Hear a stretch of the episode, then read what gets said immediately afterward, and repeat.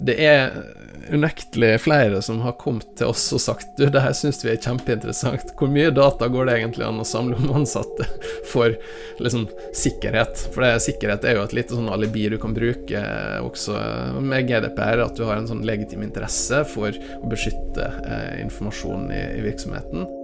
Alibi er godt å ha, særlig når du er på jakt etter det nye gullet, persondata. Men hvordan sikrer vi oss mot falske alibi? Tillit er tema i denne episoden av Sandkasten.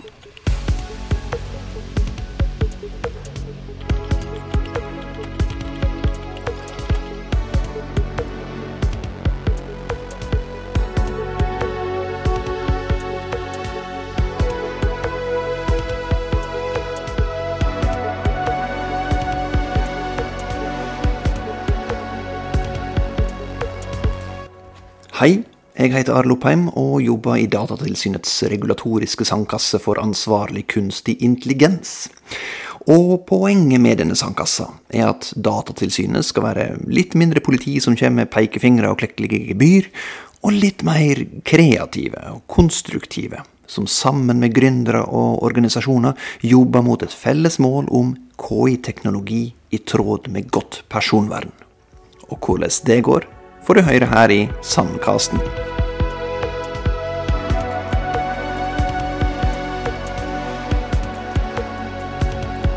Ja, det var det. Å, wow! Bringebær blondie. Var det hvit sjokolade var det som gjorde at det var blondie? Eh, Ja, det er jo det er på en måte samme prinsippet som en brownie, bare at det er hvit sjokolade. Da blir det blondie. Jeg har tatt eh, turen hjem i hagen til kollega Kaja Breivik Furuseth. Hun er jurist i Datatilsynet, og får kake som vinner av den interne navnekonkurransen vi hadde for denne podkasten. Så hun har iallfall kreativiteten på plass. Og ikke bare vant hun navnekonkurransen, hun vant òg konkurransen om å lede det kanskje mest kontroversielle prosjektet i Sandkassa, Secure Practice, der profilering av ansatte i arbeidslivet er tema. Hva følte du da du vant det prosjektet? Jeg, jeg syntes det var midt i blinken på meg, for jeg jobba en del med personvern i arbeidslivet fra før da i Datatilsynet. Og mye med innovasjon tidligere som advokat og departement, så jeg syntes det var artig å kunne være med fra begynnelsen da, og hjelpe et lite firma med å navigere seg i jungelen av personvernkrav, og se om de kan få til å lage et, et produkt som eh, kan både være personvernvennlig og nyttig. Men altså med en litt sånn grunnleggende ting inni her som er profilering eh, på arbeidsplassen. Og det er jo et aldri så lite kvepsebol. Eh, hva var magefølelsen da eh, så søknaden for Secure Practice i første, første omgang? Ja, du veit det kanskje jeg må jo innrømme at jeg var litt sånn skeptisk om det kan gå an. For det Vi liker jo ikke at eh, måte sjefen ser over skuldra vår og, og vi skal bli, bli putta i bokser. Nei, så jeg var litt sånn skeptisk om det her er innafor, da. Men så begynte vi å snakke og se litt om fins det måter vi kan tviste på for å få det til å, å gå, da. Og når vi snakka med Secure Practice, så oppdaga vi at de allerede har tenkt på en god del ting. Mm. At de hadde sett for seg at ikke all informasjon om den ansatte skulle gå til arbeidsgiverne, f.eks. Mm. For det er det vi har sett i mange saker, at kanskje arbeidsgivere har innført et system, f.eks. GPS-flåtestyringssystem, for å lettere kunne styre trafikken. Men eh, hvis det blir litt krøll og litt Folk begynner å komme for seint, så er det fristende for arbeidsgiveren å finne ut hvor, hvor folk egentlig er, og bruke den informasjonen til andre formål. da. Mm. Så det det som var kanskje skrekken her også. At vi kunne ta imot et prosjekt som ikke kunne la seg gjennomføre, fordi det ville være for inngripende for eh, den enkelte ansatte. Det ville nok være skrekken for Erlend Andreas Gjære òg. Han er daglig leder i Secure Practice. Og vi skal ikke foregripe konklusjonen, eller sluttrapporten i dette sandkasseprosjektet, for eh, den er vi fortsatt et par måneder unna. Men la oss starte med det grunnleggende, og høre RN Andreas fortelle om tjenester de ønsker å tilby i Secure Practice, og som de nå vrir og vender på i sandkassa. Ja, vi har jo eh, si, prøvd å angripe det her si, problemet med, med, digital sikkerhet og folk på, på, litt forskjellige måter. Så vi har en tjeneste for å få hjelp med mistenkelig e-post, som vi har uh, ganske mange tusen brukere av. Og så har vi da bygd et, uh, altså en tjenesteplattform for virksomheter for sikkerhetsopplæring og oppfølging av uh, ja, egentlig alt som går på ansatte ansatte og deres forhold til digital sikkerhet på arbeidsplassen å gjøre, da. Eh, og målet med verktøyet er jo at eh, både arbeidsgiver da kan bruke ett altså enhetlig verktøy for å, å, sikre at alle får nødvendig eh, kompetanse og eh, oppdateringer når ting skjer, eh, altså både kunnskapsmessig og det tekniske i bånn, kan du si. Um, og det som vi ser likevel, da, det er jo at med, med veldig sånn tradisjonelle eh, opplæringsmetoder, så er det, det er alltid noen som får med seg mye, og som gjerne har en interesse og sånn, og så er det noen som ikke får med seg like mye, og, eller ikke bryr seg like mye, eller ikke forstår like mye, eh, syns det er vanskelig. Eh, er kanskje litt uh, flau til og med for at de ikke har fått med seg ting som har blitt kommunisert tidligere. Um, det vi prøver, er å ta liksom, det her med sikkerhetsopplæring litt til neste nivå, da. Uh, og vi har lyst til å tilby mer uh, personalisert, mer skreddersydd uh, og gjerne automatisert opplæring som passer den enkelte ut ifra deres forutsetninger, både kunnskapsmessig og interessemessig, og jobbfunksjon og virksomhetens prioriteringer. og rett og slett for å gi bedre sikkerhet der det trengs.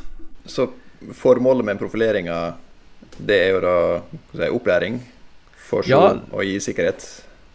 Stemmer det. altså nå, nå, nå, sier du jo profilering, og det er jo kanskje den tabloide eh, overskriften vi, vi, tok med oss inn her for å få bli med i Sandkassa. da, At vi, vi har lyst til å si, profilere virksomhetens ansatte ut ifra hva cyberrisiko de eh, si, utgjør, for å si det litt, eh, litt skeivt igjen. Men ja, det stemmer, det. Um, vi har jo vi har lyst til å, å, bruke teknologi for å gjøre noe eh, bedre, med et veldig godt formål at, at, folk rett og slett får mer relevant og treffende opplæring. Eh, og så, så, er det jo slik at for å få til det, så, og ikke minst gjøre det automatisert og skalerbart, så, så trenger du jo litt data, da. Um, og sette det i system på en bestemt måte. Og det er jo da tema for det her sandkasseprosjektet. At vi, vi, skal se på hva data er det vi eh, kan eh, behandle, eh, samle på, vurdere. Hvordan kan vi analysere det? Hva resultat kan vi bruke det her til i andre enden, da. Så, og det er jo en, en kunstig intelligens her som vi skal bygge, som, som, som tar seg av prosessen der. Um, og det har vi jo lyst til å gjøre personvernvennlig, både med tanke på at altså, når det er automatisert, så slipper du å ha et menneske inni her som driver og vurderer ja, hva kan den enkelte ansatte, og følge opp eh, Hans og Kari sånn direkte personlig ut ifra hva den eh, IT-ansvarlige syns de trenger sånn personlig sett, sant. Eh, at vi, at vi, kan gjøre det her mindre inngripende i så måte, men samtidig oppnå enda bedre resultater. gjerne. så er det bedre å overlate ja, profileringa til kunstig intelligens enn at det er andre ansatte, eh, IT-ansvarlige eller sjefer som går rundt og på en måte tar en litt sånn eh, skjønnsmessig profilering eh, når en går rundt i lokaler? ja, det, det, det, kan jo, det, kan jo, tenkes at, at, vi kan få til noe her som, som er bedre enn det. Det er, jo, det er jo ikke for at vi vil erstatte menneskelig kontakt, eh, og for all del, menneskelig kontakt er både nyttig og nødvendig. Og så ser vi jo en pandemi har lært oss at det ikke alltid at den menneskelige kontakten er like enkel eh, å få til. Uh, og hvis IT-sjefen skal ringe deg opp på Teams uh, for å sjekke hvordan det står til med, med, kunnskapen din om datasikkerhet, så, så kanskje det føles litt uh, kleint. men samtidig da, så ser vi mennesket som en ressurs oppi det her. Så vi i Secure Practice er jo at altså, med plattformen vår så får du utvida sikkerhetsteamet ditt i virksomheten til å omfatte alle ansatte, og det er jo det som er målet, at alle kan bli en del av ditt sikkerhetsteam. Eh, og, og, ha en positiv rolle i sikkerhetsarbeidet. Eh, kontra kanskje ja, Det er noen som har et litt mer negativt syn på mennesker og tenker at ja, folk er roten til alle våre problemer, og hvis vi bare får maskinene til å ta over alt, så, så er vi kvitt problemet òg.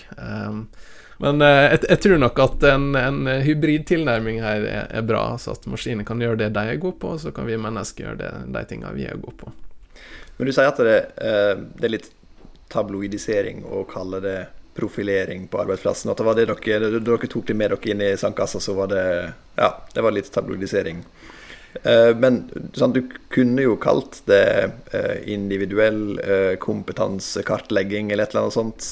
Pakka det inn i noe litt mer spiselig. Eh, hvor, hvorfor valgte du Hvorfor gikk du for den tabloide varianten?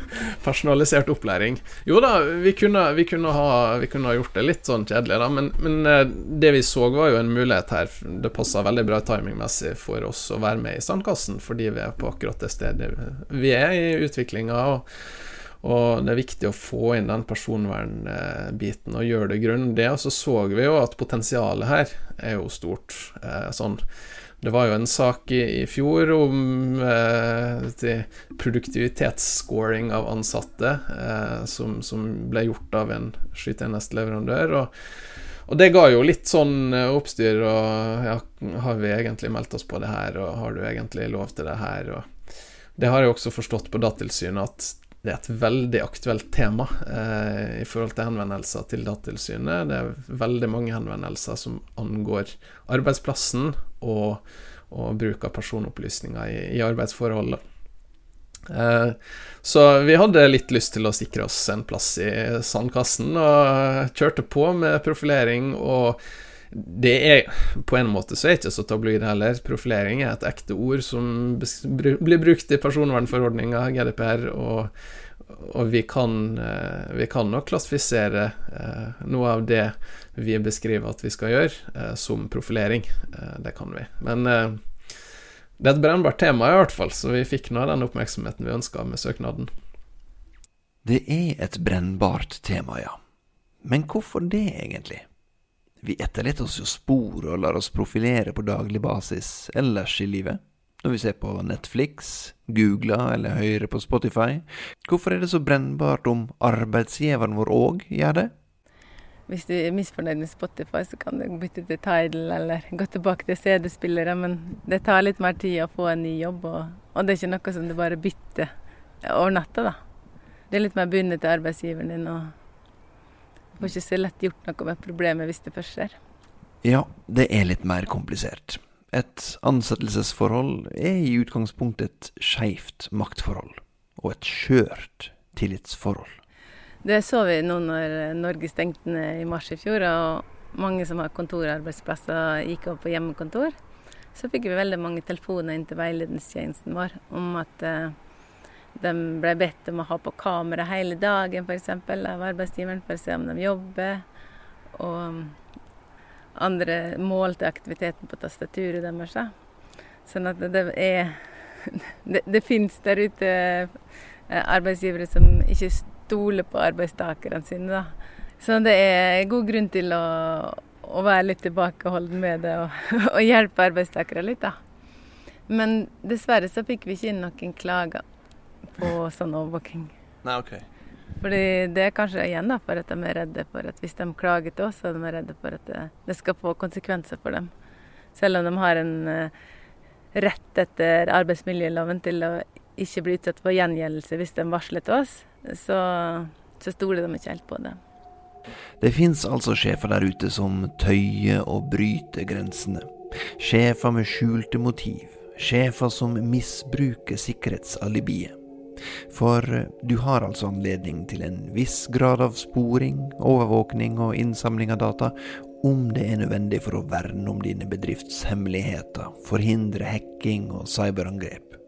Og tvilsom profilering, ja, den foregår. Og det fins også aktører som på en måte gjør det her i dag, egentlig òg, eh, gjennom eh, tjenester som fins, men kanskje tjenester som er utvikla under andre juridiske forhold enn vi har i Europa, og, og som da eh, medfører ja, ikke like stor bevissthet på eh, å gjøre det personvernvennlig, som ja, f.eks. eksponere enkeltindivid med navn eh, ut ifra en, en, personlig score, rett og slett. Eh. Ja, det er jo sagt at det finnes mange verktøy der ute i dag da, som allerede kartlegger det samme om arbeidstakeren, men at vi, vi, eller folk flest, da, bare ikke vet om det.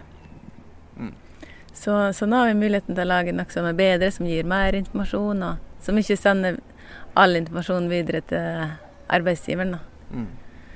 Du kan jo tenke at uh, det vi er redd for, er vel kanskje hvis vi ser arbeidsgiver ser at å, her er det en person som sier at de bevisst bryter regelverket. Ja, ja da, da vil den arbeidsgiveren i verste fall prøve å bli kvitt personen, eller i hvert fall ikke gi en spennende prosjekt på jobben. Mm. Men hvordan kan dere som skal da tilby den tjenesten her, eh, og har gode intensjoner, sikre dere mot at eh, ikke en eh, arbeidsgiver bruker det på en måte som ikke er OK? Ja, Et av de helt konkrete tiltakene vi, vi ser på i prosjektet, er jo kan vi, som egentlig er en databehandler, og bare behandler data på instruks fra kunden vår, eh, faktisk nekte kunden vår å få eh, tilgang til eh, enkeltindivid sin eh, Kall det risikoscore, da, for å si det sånn. Um, for det er ikke noe som vi tilbyr, eller vil mm, tilby i, i, i løsninga vår, en, en, en, score på individnivå der du kan se at jo, Erlend han er høy risiko. Um, vi ønsker å, å, å, bruke en underliggende score for å planlegge eh, ja, en, en, plan med tiltak som vil da automatisk kunne tilpasse seg profilen til, til vedkommende uten at det er et menneske involvert eh, for å se på dataene.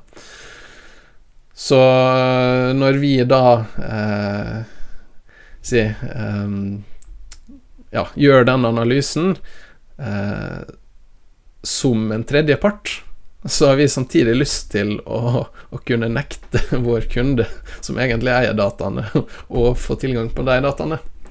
Og det er en liten juridisk eh, balanseøvelse som vi håper å konkludere på en, eh, en hensiktsmessig måte i, i prosjektet, slik at, ja, slik at vi nettopp sikrer, også juridisk faktisk, at sluttbruker, eh, den ansatte, er beskytta. Nå er dere jo nå er dere kommet godt i gang. Hva, hva, har, hva, arbeidet, hva har problemstillingene gått på så langt? Ja, Først har vi sett på er det her er det prosjektet Liv laga, var kanskje det første vi så på. Kan en arbeidsgiver eh, sette i gang med å undersøke hva slags eh, kunnskap og følelser den enkelte ansatte har overfor informasjonssikkerhet, og putte dem i forskjellige kategorier etter å ha undersøkt det. Så da ser vi at det, det kan være en mulighet eh, så lenge det er helt strengt regulert at ikke den informasjonen skal gå til arbeidsgiveren. Eh, men at da må sannsynligvis eh, Secure Practice ta en mer aktiv rolle og kanskje regulere kontrakter, da. Mm. Og da kommer vi til neste spørsmål om det vil påvirke hva slags eh, rolle Secure Practice har etter personvernregelverket. For fram til nå så har de hatt en rolle som databehandler, der de måtte handle på oppdrag fra, fra selskap, da. Der det er selskapene sjøl som arbeidsgivere da, som setter formål og midler med behandlinga. Mens vi ser for oss ja, hvis de tar en aktiv styring, så er det mulig at de også blir behandlingsansvarlige da, for et litt sånn større ansvar for å følge regelverket. Og naturlig nok ser jeg òg på hva type data en skal bruke i profileringa av de ansatte. Gå litt nærmere inn i detaljene. Eh, hva det skal gå ut på. Hvordan skal de kartlegge kunnskapen til den ansatte om eh, informasjonssikkerhet, og eventuelt hva slags følelse de har til det. Hva slags spørsmål skal de stille, og skal de hente inn informasjon fra andre kilder enn selve intervjuet f.eks. Og det er, sånn, det er mer eh, informasjon eh, de henter inn. Det er mer eh, Lettere blir det kanskje for dem å lage et kurs eller opplæring i informasjonssikkerhet. Men samtidig så blir det også mer inngripende for personvernet til den enkelte arbeidstakeren. Så da skal det mer til for at det er lovlig. Og ikke minst er det fokus på hvordan en forhindrer at profileringa får konsekvenser utover selve formålet, som altså er å kunne gi skreddersydd sikkerhetsopplæring. Litt av det vi jobber med i prosjektet også, er det at vi skal minimere den betydninga det får. At F.eks. at det, det, ikke skal være aktuelt med en sånn premie til den som får best score, for da det blir så tydelig at alle andre får dårligere score. Men, um, men at det prøver å snevre det inn da, til at det bare skal ha betydning for å, hvor god opplæring som uh, den enkelte ansatte kan få. Mm. Hva reaksjoner har du fått på, eh, på det prosjektet her eh, utafor i, i andre kretser? Ja, når jeg snakker om det med folk som jobber med eh, arbeidsliv særlig, så er deres magereaksjon at de er litt sånn skeptiske fordi de, de er litt usikre på om de sjøl ville svart ærlig på en sånn undersøkelse. da, I hvert fall hvis det gikk på sånn om de bevisst har brutt regelverket. Så det er jo noe vi må ha i bakhodet når vi ser på selve spørsmålet. Ja, og, og det du er inne på der, svaret ærlig eller uærlig, det er jo også en sånn eh, ja, kall det en veldig grunnleggende eh, verdi som vi jobber mot, nemlig at altså, sikkerhet skal være noe positivt for folk. Eh, og, og, våre tjenester skal faktisk i seg sjøl ha den egenskapen at den gjør sikkerhet til noe positivt for folk. F.eks. når vi hjelper deg med en mistenkelig e-post og forteller at det her er farlig, eh, eller det her er trygt. Um, og så bygger vi videre på den med ulike virkemidler, både digitalt og også med litt sånn materiell og ting som virksomheten kan gjøre for å eh, understøtte den positive eh, forståelsen og opplevelsen. Og, og der er jo da eh, også det anledninga til å bygge tillit. Um, for jo større grad av tillit vi har, jo større grad av eh, korrekte data tror jeg også vi kan få ut. Um, i de sammenhenger der vi baserer oss på input fra brukeren eh, sjøl. Så kan vi øke graden av input fra bruker eh, på ja, deres preferanser, ønsker og opplevelser eh, av sikkerhet. Eh, syns du det her var vanskelig? ja, nei. Du veit hvis du sier ja, så er ikke det fordi noen kommer til å bruke det til deg. Det er rett og slett for at noen hos oss kommer til å sitte og gå gjennom det innholdet her for å gjøre det enklere, eh, slik at du neste gang forstår det, og at andre etter deg forstår det. Ikke for at noen skal komme til deg og si 'hæ, syns du det her var vanskelig, hva har du gått glipp av', nå får du mindre lønn. det er sant, det, det, er to veldig, veldig forskjellige utfall her, da, som, eh, som er viktig å få kommunisert godt og ja, bygge den tilliten. da. Tillit er altså stikkordet, og en nødvendighet for en fungerende kunstig intelligens. Det går mot slutten for denne episoden av Sandkasten, men jeg har fortsatt et par spørsmål jeg rett og slett ikke kan brenne inne med. Eh, for det første så blir jeg jo nysgjerrig. Når Secure Practice vil profilere folk for å kartlegge i hva grad de utgjør en cyberrisiko, ja, hva slags type ansatte er det egentlig som utgjør størst risiko? Eh, altså den farligste gruppen er kanskje da de som kan lite, og heller ikke er interessert i å lære noe. Eh, og det, det er også en, en altså, veldig praktisk utfordring eh, for å nå ut til deg. Hvordan kan vi kalle det identifisere deg, ikke for å liksom, gå og kjenne på det, eller sånn, men så, fins det en måte å å tilnærme seg dem på, enten kollektivt eller med automatikk, sånn som vi foreslår, eller én til én, kanskje, kanskje de dukker opp uh, gjennom en hendelse eller et eller annet, at du snakker med dem. Um, så kan det være litt andre typer tiltak de trenger enn en de som er positivt innstilt i utgangspunktet.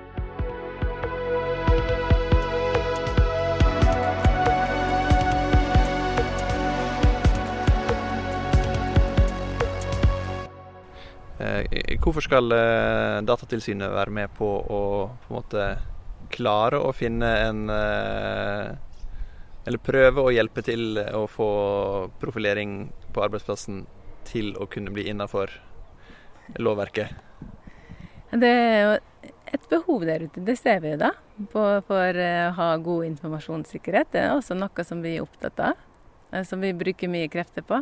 Og så er det nettopp det å det hele tatt kunne vise at personvern ikke står i veien for å få til innovasjon og gode løsninger. sånn at vi også blir litt utfordra. For litt av meninga med Sandkassa er at vi i Datatilsynet også skal utvikle oss.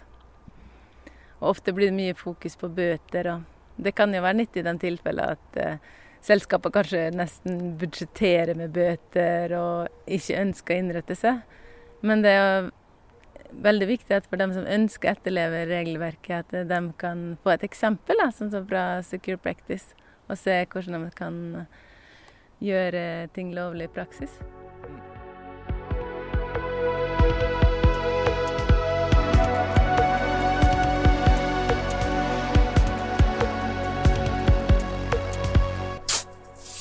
Persontilpassa opplæring, ja, det er faktisk stikkordet òg for det fjerde prosjektet vi har med i Sandkassa.